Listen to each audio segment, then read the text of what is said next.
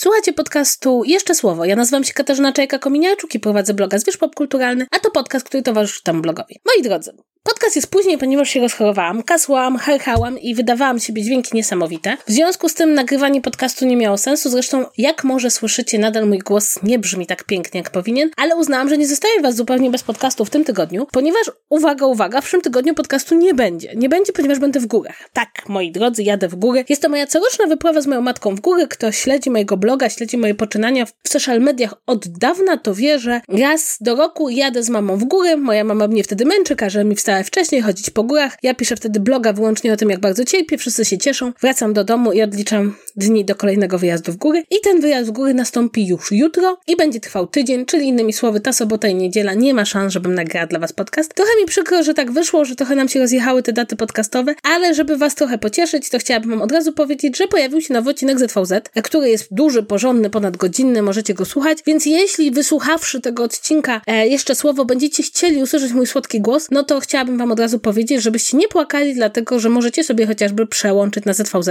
gdzie rozmawiam z Pawłem Opytą. Dobra, tyle spraw porządkowych na wstępie, a teraz trochę polecajek, bo rzeczywiście wrócę trochę do polecania Wam rzeczy. Chciałabym Wam zacząć od książki. Od książki, którą przeczytałam bardzo szybko, bo tą książkę się czyta bardzo szybko. To debiut powieściowy, bo nie literacki, Marcina Mellera, który ma tytuł Czerwona Ziemia. Wydało tą książkę wydawnictwo WAB, który zresztą Marcin Mellem pracował, teraz jego żona tam pracuje, ja, ja z nią współpracuję, bardzo, bardzo miła para. Znam ich oboje i oboje są bardzo miłymi ludźmi. Przy czym wydaje mi się, że Marcina Mellera więcej osób kojarzy, bo ma swój program telewizyjny i też był przez bardzo wiele lat e, naczelnym Playboya w Polsce. E, co ciekawe, ja i Marcin Meller przeszliśmy bardzo podobną drogę kariery. Innymi słowy, oboje skończyliśmy historię, oboje pracowaliśmy w polityce i oboje nawet przez pewien czas pracowaliśmy w tym samym dziale. Nie w tym samym momencie, no ale w każdym razie widzicie, po prostu stąpam prawie że tą samą drogą. O czym jest Czerwona Ziemia? Czerwona Ziemia to jest bardzo sprawnie, naprawdę bardzo sprawnie napisany thriller, a właściwie trochę książka, która jak się ją czyta przypomina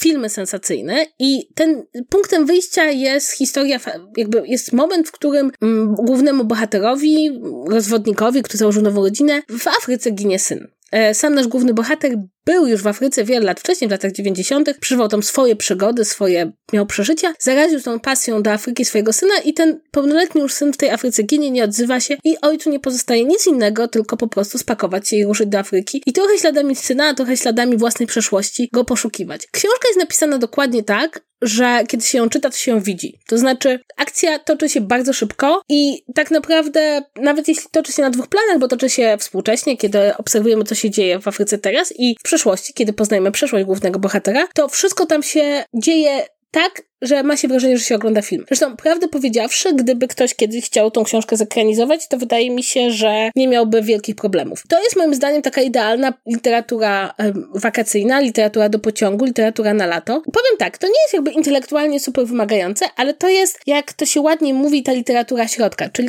dobrze napisana książka, no nie jest obrażająca dla czytelnika. Nie jest to też taka książka i to z całym szacunkiem Laurem Kamroza, którą można napisać na podstawie Wikipedii. To jest raczej taka książka, której ten research rzeczywiście jest głębszy. Natomiast jest to po prostu thriller sensacyjny. I oczekujemy, że rzeczy się będą działy szybko, sprawnie i dzieją się szybko i sprawnie. Ten główny bohater też nie jest szczególnie idealny, co mi się bardzo podoba. Nie wydaje mi się, żeby był alter ego autora, ale wydaje mi się, że autor doskonale zna ten typ mężczyzny. Zresztą jest to e, naczelny czasopisma, w związku z tym też się pojawiają wątki medialne, które mnie bardzo bawią, ale zna ten typ mężczyzny, wie jak taki mężczyzna by myślał i to mi się bardzo podoba. Jakby ja jestem zawsze za tym, żeby uważam, że dobra literatura to wychodzenie poza siebie i wymyślanie rzeczy, które się nigdy nie, nam nie przydarzyły, ale jeśli nie mamy takich umiejętności, jeśli nie jesteśmy tymi najwybitniejszymi ludźmi, którzy są sobie w stanie wyobrazić coś zupełnie innego, to trzymanie się takiej charakterologii, którą jesteśmy w stanie dobrze zrozumieć i oddać, wydaje mi się bardzo, bardzo słuszne. I to jest w tej książce. I, i powiem tak, że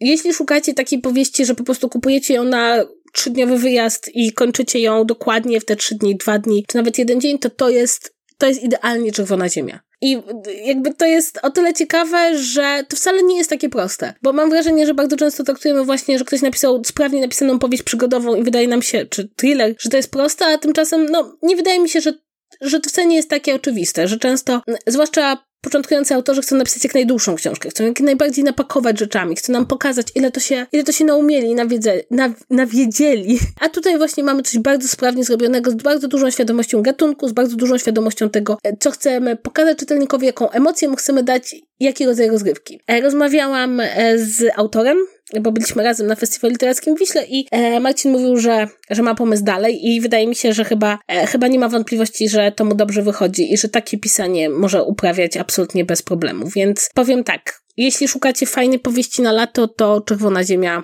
bardzo, bardzo spoko. Słyszałam same dobre rzeczy o audiobooku też. Audiobook jest podobno cudownie czytany, więc jeśli... I, I wydaje mi się, że to jest taka książka, która się w audiobooku świetnie sprawdzi. Więc jeśli na przykład jesteście audiobookowi, a wiem, że lubicie słuchać rzeczy, bo słuchacie tego podcastu, to Czerwona Ziemia w audiobooku także jest bardzo fajna. To wydało w łab, więc prawdopodobnie będziecie to mogli kupić w tej Empikowej aplikacji, Empik Go, e, bo tam są publikacje w łabu, to wiem, bo tam są moje publikacje. No dobrze, to tyle o tej książce. Druga sprawa to, słuchajcie, mam e, teraz subskrypcję Disney Plus i oglądam mnóstwo rzeczy, ale zanim opowiem o mnóstwie rzeczy, które oglądam na Disney Plus, to chciałabym powiedzieć o rzeczy, które obejrzałam na Netflixie, ponieważ obejrzałam drugą, um, drugi sezon Miłości i Anarchii. Miłość i Anarchia, pierwszy sezon absolutnie mnie zauroczył, to był taki absolutnie świetny serial o kobiecie, która ma urządzone życie i przychodzi do wydawnictwa, żeby jakby trochę zreformować tą firmę, jest osobą z zewnątrz i nawiązuje taki bardzo ciekawy i dziwny romans z dużo młodszym od siebie chłopakiem, który tam pracuje. I tak naprawdę ten pierwszy sezon bardzo fajnie pokazywał, gdzie są granice społeczne, pokazywał jak bardzo jesteśmy zamknięci w pewnych schematach zachowań, jak bardzo musimy się być może z nich wyrwać. Ten wątek romantyczny był taki fajnie niedopowiedziany, jakby nie było powiedziane co dalej, ale przede wszystkim wydaje mi się, że tamten, tamten pierwszy pierwszy sezon był bardziej właśnie o przekraczaniu ram społecznych. Teraz serial wrócił z drugim sezonem, co niesamowicie czekałam i super się ucieszyłam, że on w ogóle jest. I mam bardzo mieszane uczucia. Chyba dlatego, że trochę się zmienił temat tego e, serialu. I tutaj to mi się wydaje bardzo ciekawe, bo wydaje mi się, że ten drugi sezon Miłości i Anarchii jest dużo bardziej skoncentrowany na kwestiach takiego ograniczania ludzi, ale nie przez społeczeństwo, które narzuca pewne normy, ale takie ograniczania przez poprawność polityczną, przez szukanie właśnie jakiegoś takiego miejsca, gdzie nikt się nie poczuje urażony. No i co mnie bardzo zaskoczyło, ten serial jest bardzo przeciwko temu. No i oczywiście z jednej strony jest przeciwko temu, ponieważ rozgrywa się w świecie literackim i rozgrywa się w świecie, gdzie to pytanie, czy komfort czytelnika jest najważniejszy, jest bardzo żywe, prawda? No tutaj to jest pytanie, czym jest dobra literatura. To jest ta literatura, która nikogo nie obraża, czy to wręcz przeciwnie, jest literatura, która może wiele osób obrażać, ale jest w jakiś sposób prawdziwa. Natomiast to mnie zaintrygowało, tak? To znaczy, to, że dużym tematem tego, tego sezonu jest właśnie ta kwestia poprawności politycznej. Jest tam cały odcinek e, z kimś, kto się nazywa Sensitive Reader i jest to bardzo negatywnie przedstawiona postać. Jest e, też cały wątek z tym, że Greta Thunberg przyczepia się do książeczki, gdzie jakieś dziecko lata dookoła świata, że ta książeczka promuje latanie. I to mnie zaintrygowało, bo jest to jednak e, serial szwedzki i wydawałoby się, że to szwedzkie społeczeństwo, z którego bardzo wiele z tych idei wywodzi się w ogóle, będzie bardziej otwarte, a tu wygląda, że jest bardzo takie bardzo takie niechętne do tego wszystkiego i widzi bardzo dużo zagrożeń. Inna sprawa jest taka, że tutaj e, z konieczności ten wątek romantyczny musiał zostać pociągnięty dalej i tak jak ten pierwszy sezon miał takie cudowne niedopowiedzenie i właściwie, właściwie trochę zostawia nas taką myślą, że nie wiadomo co dalej, ale bohaterowie włamali się z jakiegoś schematu, no to ten drugi sezon troszeczkę bardziej idzie już w takie rzeczy bardziej komediowo-romantyczne i, i nie jestem do końca przekonana. No jest to także sezon o radzeniu sobie z stratą i o, i o żałobie i to, to, to jest ciekawy wątek. To jest naprawdę ciekawy wątek o tym, jak głębokim doświadczeniem jest żałoba i jak trochę nie mamy w społeczeństwie gdzie jej przeżywać tak, jak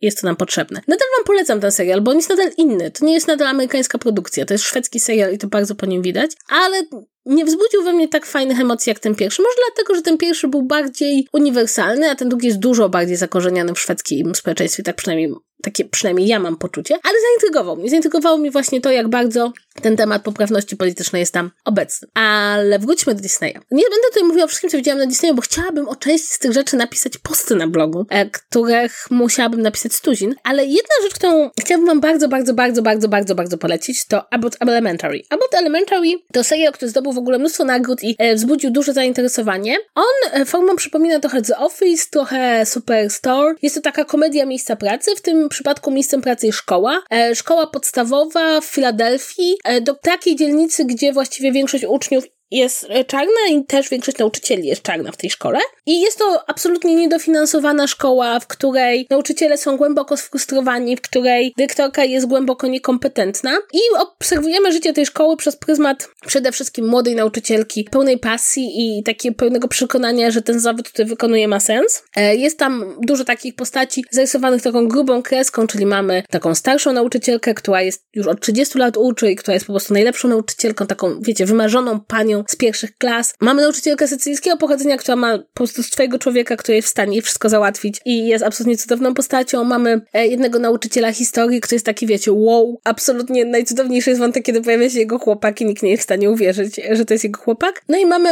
e, też postać takiego nauczyciela, który przychodzi tylko na pewien czas, bo tam w Stanach Zjednoczonych jest coś takiego jak e, temporary teacher, prawda, który przychodzi tylko póki nie znajdzie się nowy nauczyciel na to stanowisko, no i on jest, wiecie, taki wycofany, przystojny, od razu się po, zaczyna zakochiwać w naszej bo, głównej bohaterce. I to mi pod wieloma względami przypomina The Office, ale tym, co wydaje mi się jest najciekawsze w tym serialu, to właśnie to, że dzieje się w warunkach szkoły. I to nie w warunkach liceum czy szkoły średniej, prawda, gdzie mamy tych uczniów już starszych i gdzie bardzo często problemy, z jakimi borykają się nauczyciele, to są problemy, prawda, tutaj narkotyki, papierosy, seks. Nie, i, I takich seriali było dosyć dużo, prawda, które działy się w tych starszych szkołach. Nie, tutaj mamy szkołę podstawową, więc problemami jest konieczność porozmawiania z rodzicami o wynikach ich dzieci, to, że dzieci mają nowy, nowy trend wiralowy, skakanie po ławkach, to, że dziecko się jakieś boi pójść do następnej klasy. I pod tym względem wydaje mi się, że nawet jeśli to się dzieje w realiach amerykańskich, to jest to jak bardzo uniwersalna historia, bardzo. To znaczy bardzo wiele z tych problemów znamy z własnego życia, albo usłyszeliśmy o nich też same te problemy, z jakimi borykają się nauczyciele jako nauczyciele, prawda? Niedofinansowanie, brak szacunku dla ich pracy, fakt, że czują, że po prostu spędzili bardzo dużo czasu nabywając kompetencje, których potem nie mają gdzie spożytkować. Serial ma mnóstwo serca, wiemy już, że dostał długi sezon, więc jest, jest dobrze. I to jest właśnie ten rodzaj takiego dobrego sitcomu miejsca pracy, który bardzo polecam. Jeśli lubiliście właśnie czy The Office, czy Superstore, to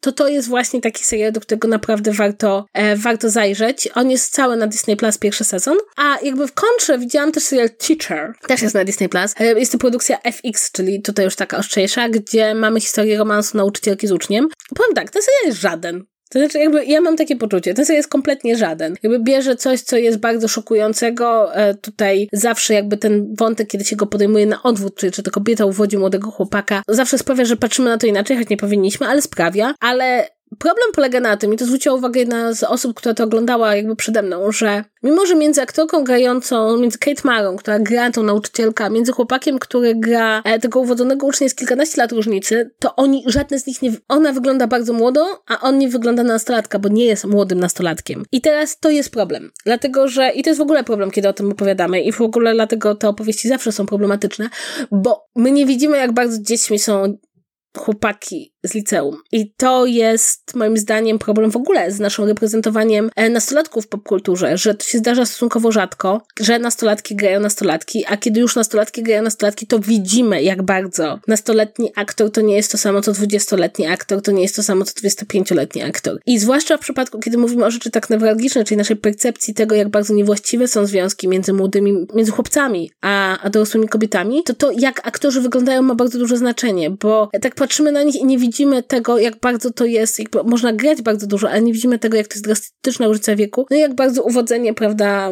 nawet chłopaka z ostatniej klasy liceum to jest wciąż uwodzenie dzieciaka. Moim zdaniem to jest w ogóle problem w całym, w całym reprezentowaniu młodzieży w popkulturze, tak? Że bardzo rzadko młodzież gra młodzież, w związku z tym zamazuje się nam, jak bardzo młodzi są ci ludzie. I wydaje mi się, że to jest coś, o czym za mało mówimy. I kiedy się w końcu obsadza nastolatków, jak na przykład w Young Royals czy w Heartstopper, to dopiero wtedy jakby widzimy w pełni, jak młodzi są ci ludzie, tak? Jak, jak bardzo nastolatki, w ciągu tych kilku czy nawet kilkunastu lat, jak bardzo zachodzi zmiana w wyglądzie człowieka i jak bardzo zachodzi zmiana w naszej percepcji. E, I pod tym względem wydaje mi się, że ten serial może być ciekawy. To znaczy, żeby go oglądać jakby cały czas się zastanawiając, jak inaczej byśmy go odbierali, gdyby rzeczywiście aktorzy byli w tak innym wieku, w jakim powinni być i gdyby aktorka, która może jest po 40, ale wygląda na 20 parę lat, rzeczywiście wyglądała starzej, bo nie miałaby tej cudownej hollywoodzkiej urody. Inna sprawa jest taka, że Disney Plus mi po prostu zjada tyle czasu, słuchajcie. A, Właśnie, Słuchajcie, jeszcze jedna rzecz. W Netflixie, bo ja oglądam wszystkie reality competition TV na Netflixie, pojawiło się coś, co się nazywa Iron Chef. I Iron Chef to jest taka, ta wersja nie podstawowa, bo to, ma,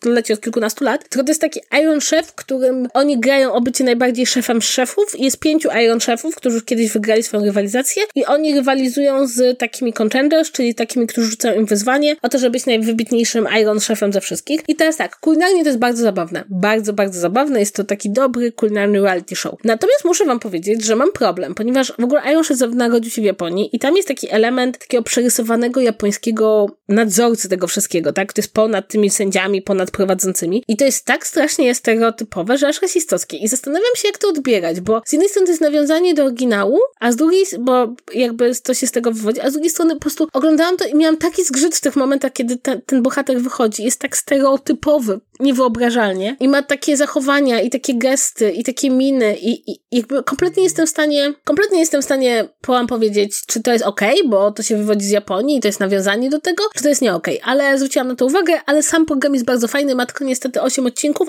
ale mam wrażenie, że to tylko pół sezonu, że zaraz będzie więcej, bo jakby nie ma takiej konkluzji ostatecznej, jakby nikt nie wygrywa ostatecznie, więc być może, być może niedługo dostaniemy więcej odcinków, ale jeśli podobnie jak ja, oczy wam się po prostu świecą, ilekroć pojawia się jakiekolwiek reality competition, zwłaszcza dotyczące gotowania, no to bardzo wam to polecam, bo, bo fajnie się to ogląda. Dobra, to tyle w tym tygodniu. Jak zwykle zapraszam was do e, subskrybowania, do zostawiania ocen, do dzielenia się z tym, że słuchacie tych odcinków, bo dzięki temu więcej osób wie, że nagrywamy. Przepraszam was, że nie będzie w przyszłym tygodniu, ale będę hasać po górach niczym kozica. Bardzo was zapraszam na bloga, bardzo, bo będzie tam wpis, seria wpisów górskich. Kto to czytał, wie, że jest to dowcipne, smutne, pełne mojego cierpienia i pełne radości mojej matki. I co? I słyszymy się w następnym odcinku. Mam nadzieję, że plus minus za tydzień, bo wracam w przyszłą środę, więc może do końca przyszłego tygodnia zdołam nagrać odcinek. To tyle. Do zobaczenia. Pa, pa.